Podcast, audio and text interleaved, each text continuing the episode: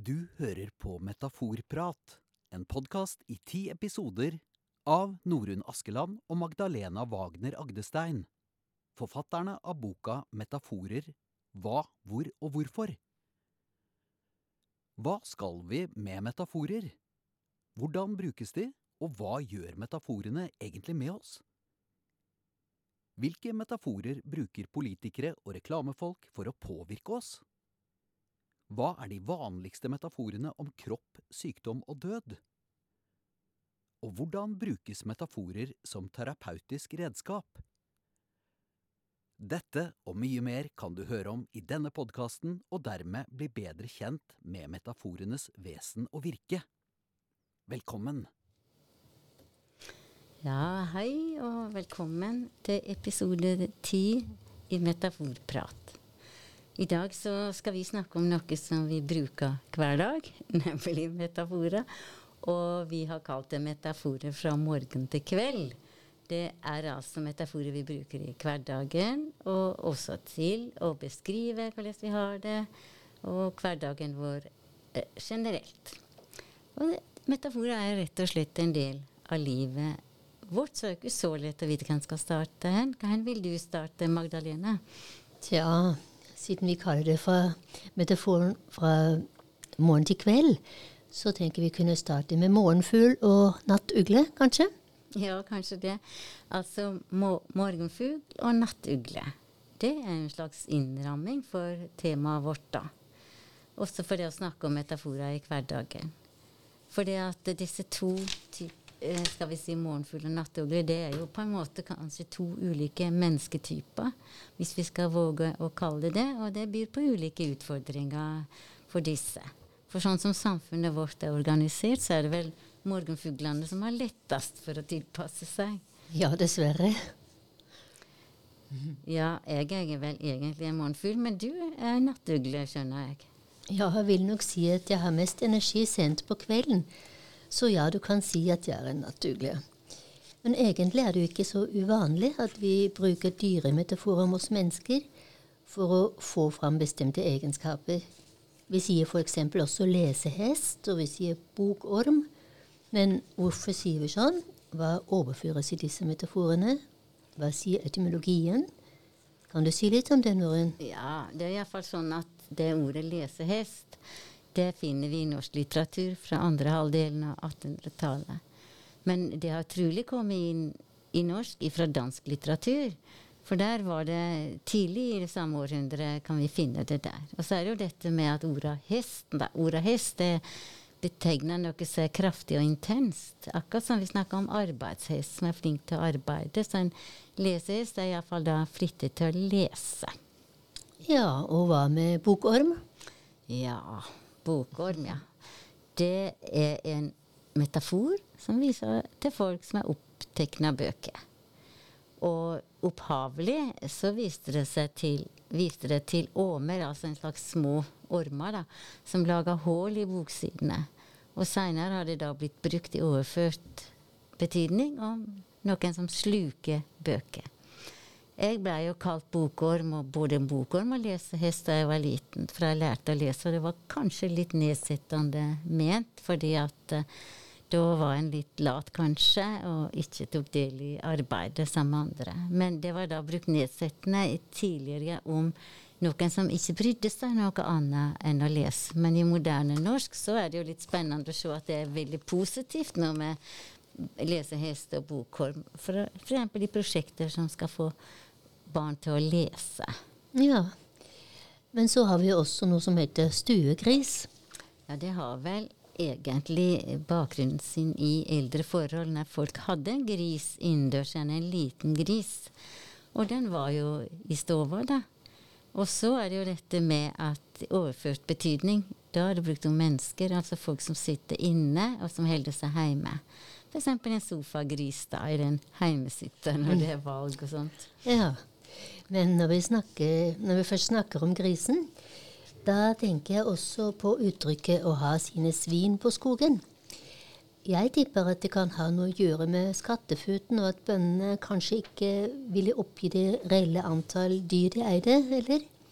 Ja, hvis en undersøker det, jeg har jo bare googla det, da, og det er jo følgende forklaring en finner der.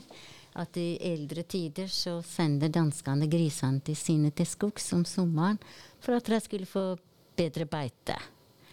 Og da måtte bøndene betale avgift etter hvor mange griser de hadde.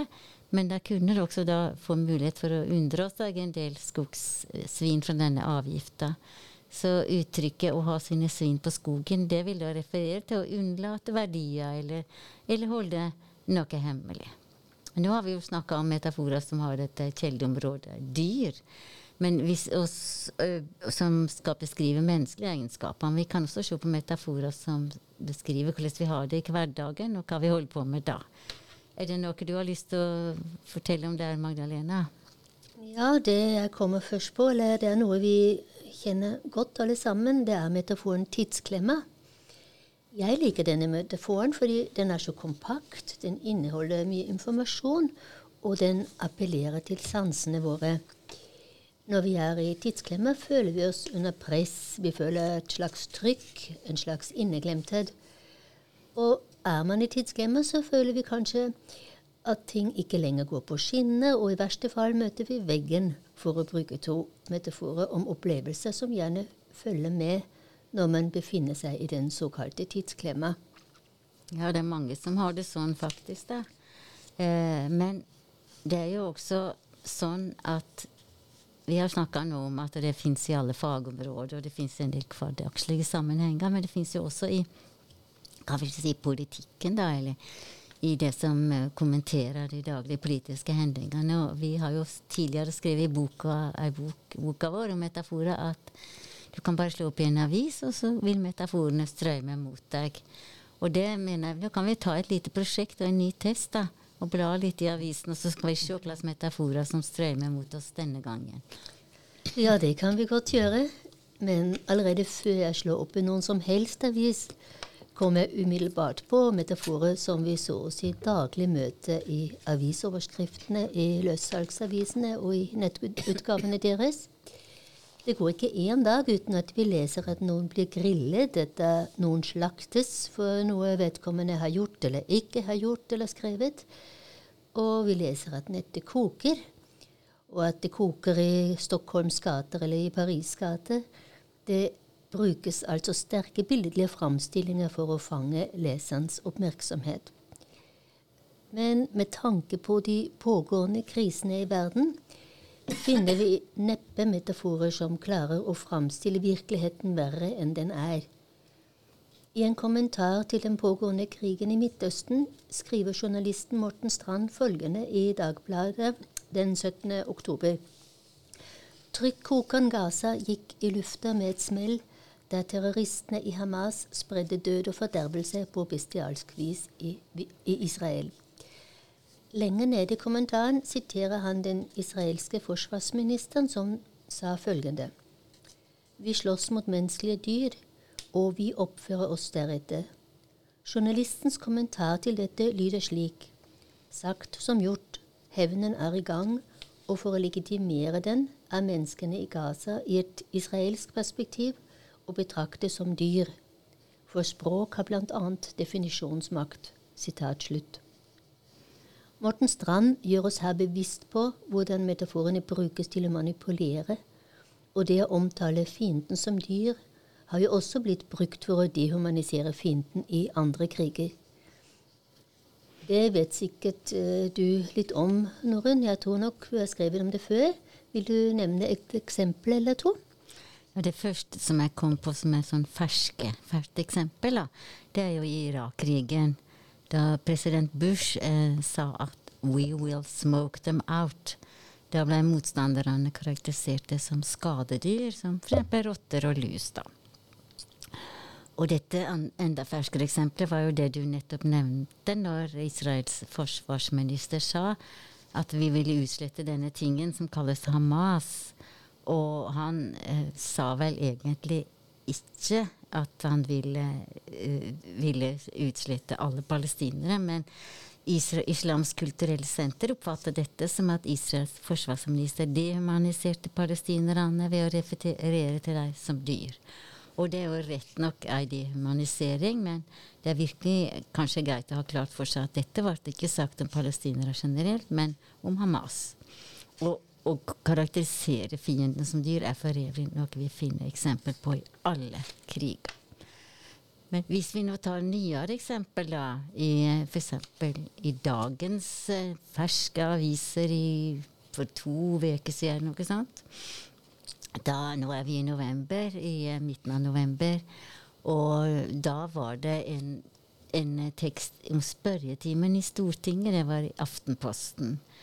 Og eh, da var det en uh, tekst med tittelen 'Woke for eldre'. Der ble diskutert metaforen eldrebølge diskutert. Det var nemlig sånn at Sylvi Listhaug, som er leder for Frp, hun stilte spørsmål til helseministeren Ingvild Kjerkol om eldreomsorg. Og Kjerkol svarer det er ikke lenger en eldrebølge som skyller innover oss og trekker seg tilbake. Nå endres det norske samfunnet varig. Og så brukte Kjerkol Kjerkol ordet eldrekatastrofeflom for å vise hvor farlig eldrebølga er. Men det likte ikke Listhaug, for hun ville ikke snakke om noe eldrebølge. Det høres ut som noe negativt, som farlig, som kommer mot oss. Og så gikk Listhaug inn på det at folk, leve, folk, som lever lenger, det må vi se på som positivt, istedenfor å snakke om det som noe negativt.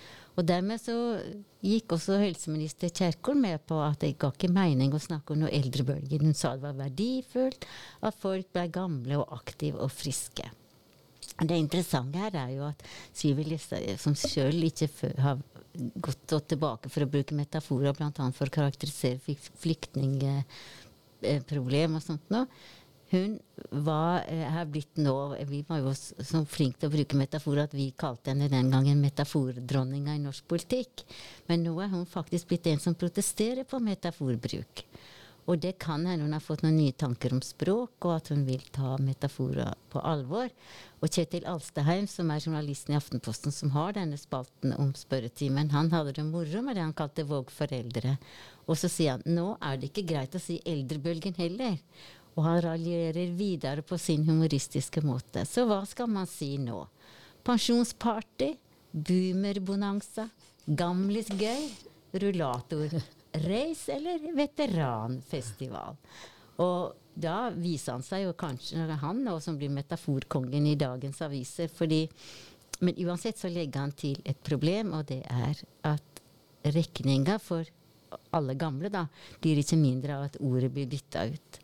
Men det som ikke blir nevnt i denne diskusjonen i det hele tatt, det er jo en, eh, en faktum som burde være nevnt som en kontrast til metaforen eldrebølge. Og det er at pensjonister tilfører samfunnet en verdi av mange hundre millioner i form av frivillig og gratis arbeid. Det er jo en virkelig grunnlag for å lage en motmetafor for metaforen eldrebølger. Og den motmetaforen kan f.eks. være seniorkraft. Én ting er å protestere på en metafor, men det er mye mye mer effektivt å finne en motmetafor, sånn som seniorkraft.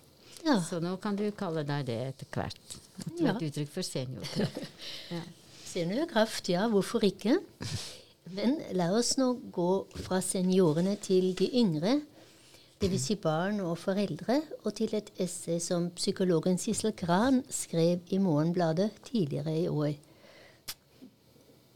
Det essayet hadde tittelen 'Smerten vi arver', og handler altså om smerter eller traumer som overføres videre til neste generasjon. Og da snakker hun om barn som vokser opp i ekteskap som hun beskriver som å leve i en kamparena, hvor kampen mellom ektefellene utspiller seg i det hun kaller en krigssone. Sissel Gran skriver at det handler om kamper som kjempes i ekteskapene i de tusen hjem, det handler om par som sliter i lenker, skriver hun, og at de er fanget i et mønster, i verste fall i noe som kan kalles ekteskapelig sadisme, sier hun og trekker en parallell til Strindbergs drama 'Dødsdansen'. Hvem er det som lider mest, nei, soner mest, spør psykologen, og prøver å skape en sammenheng mellom det å sone og substantivet krigssone som hun altså bruker om ekteskap hvor partene kjemper mot hverandre. De kjemper mot hverandre, og likevel forblir de i ekteskapets fengsel, skriver hun. Og at de som lider og soner mest, er altså barna. Det ville føre altfor langt å gå nærmere inn på Sissel Grans essay her og nå, men vi kan i hvert fall konstatere at hun bruker kraftige metaforer for å tydeliggjøre den langvarige psykiske effekten som foreldrenes traume kan ha på barna. Ja, du vet at en sånn bruker den fengselsmetaforen og krigsmetaforen om sånne ting som er i heimen. Det får jo virkelig fram hvor vanskelig det kan være å ha det sånn. Og jeg tenker meg at vi skal Kanskje burde vi bruke den muligheten vi har, eh, for å tenke at For å få til en Altså skape fred. Det begynner kanskje i heimen, det. Enten man nå skiller seg eller ikke. Men det kan være ganske viktig å tenke at folk må erfare kan vi si å, å ha fred. Å ha frihet og kunne slappe av og puste ut. Det tenker jeg er noe som Sånn burde heimen være. At man, eh, ja, for Jeg har en datter som sier til meg av og til Du må huske på det at i heimen skal vi ha det godt. Ja, det var jo godt sagt. God metafor. Et godt, et godt, det er en god setning. Ja. Men nå har jeg et, et eksempel til fra Aftenposten, og det er fra den uh, metaforglade politiske redaktøren Kjetil B. Alstaheim, altså metaforkongen. Denne gangen så har han under har han tittelen 'Nedtelling for hvitt felt'. Og nedtelling det er jo en metafor henta fra romfart. Og den handler jo om å telle ned for oppskyting, eller metaforisk for en stor og viktig hending. Og undertittelen er Jonas, Jonas Gahr Støre spiller sjakk, men kan ende med å velte dominobrikker. Og med disse to metaforene får han fram at politikk kan være en, et spill, da, sånn som i, med sjakk. Men, og dessuten så vet vi at Støre liker å spille sjakk på mobilen. Han er altså en sjakkspiller. Og som sjakkspiller må han av og til ofre en bonde eller en springer for å ta en dronning. Og nå forstår vi hva han, Alstadheim vil. Det er snakk om å ofre Anniken Huitfeldt som utenriksminister. Hun er riktignok rett, rett mer verdt enn en bonde, men om hun skal falle, så må det utløse at andre også må det. Og da endrer metaforikken seg mot domino eh, også en kjent metafor for politisk spill. En gang var det en sentral metafor for å beskrive tenkinga i amerikansk politikk i kampen mot kommunismen under den kalde krigen. Så her ser vi igjen at metaforer er gode å ha for å komprimere og klargjøre det en vil ha sagt. Ja, du nevnte nå nettopp et eksempel med sjakkmetaforen brukt i det politiske spillet. Den ble forleden også brukt av Venstres vararepresentant i Oslo bystyre, Rodas Tadese Sibato, som skrev en kronikk i VG. Temaet var den uhyrlige volden som utspiller seg i Gaza-regionen. I kronikken henvender hun seg til slutt til dem hun beskriver som lederne som forhandler om menneskeliv som om de er brikker på et sjakkbrett. Det hun kritiserer, er igjen en dehumanisering av mennesker. Det at de liksom gjøres til brikker i et spill, i sjakkspill, skjuler at, de er skjuler at de er mennesker av kjøtt og blod. Mennesker med sine tanker, følelser og sitt menneskeverd. Sjakkbrikker har jo ikke slikt. Nei, det, men samtidig så blir det sånn Det er jo viktig, og det er si, såkalt riktig på en måte tenkt òg, men samtidig så blir disse her metaforene litt sånn bleike og forsiktige. Og det er så mange metaforer vi bare lar passere, og som ikke til slutt gjør inntrykk på oss. De blir litt slitte. Og en av de sånne som er, eh, ja, de er type metaforer, var jo dette med å snakke om at ting skal være reint. Og der kom jeg på den der enda et eksempel. Dette var fra Aftenposten også, som handla om en norsk student i Polen som ble en verdensnyhet i løpet av en helg for ikke så lenge siden. Hun protesterte mot bombing av Gaza med en plakat der det sto 'Keep the world clean'. Og på plakaten var det også tegning av et menneske som kasta ei davidsstjerne oppi ei søppelkasse. Og nå vet vi jo at davidsstjerna er et jødisk symbol. Og mange tolka plakaten slik at studenten ville holde verden rein for jøder, og at jøder med andre ord var noe skittent en måtte kvitte seg med.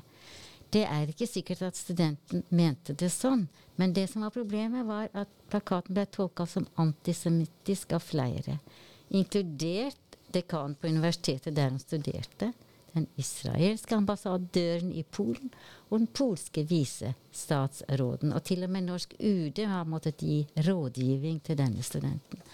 Og studenten sa sjøl at plakaten handla ikke om jøder, men den handla om den israelske regjeringa. Det var sikkert sånn hun tenkte, og det får vi tro henne på. Men så er det jo dette med at det er så klokt å kjenne sin historie og vite en sammenheng en bruker metaforen i. Vi vet jo at i perioden 1938 til 1945 ble mer enn seks millioner jøder drepne, og det var grunna i teorier om rene raser og rent blod.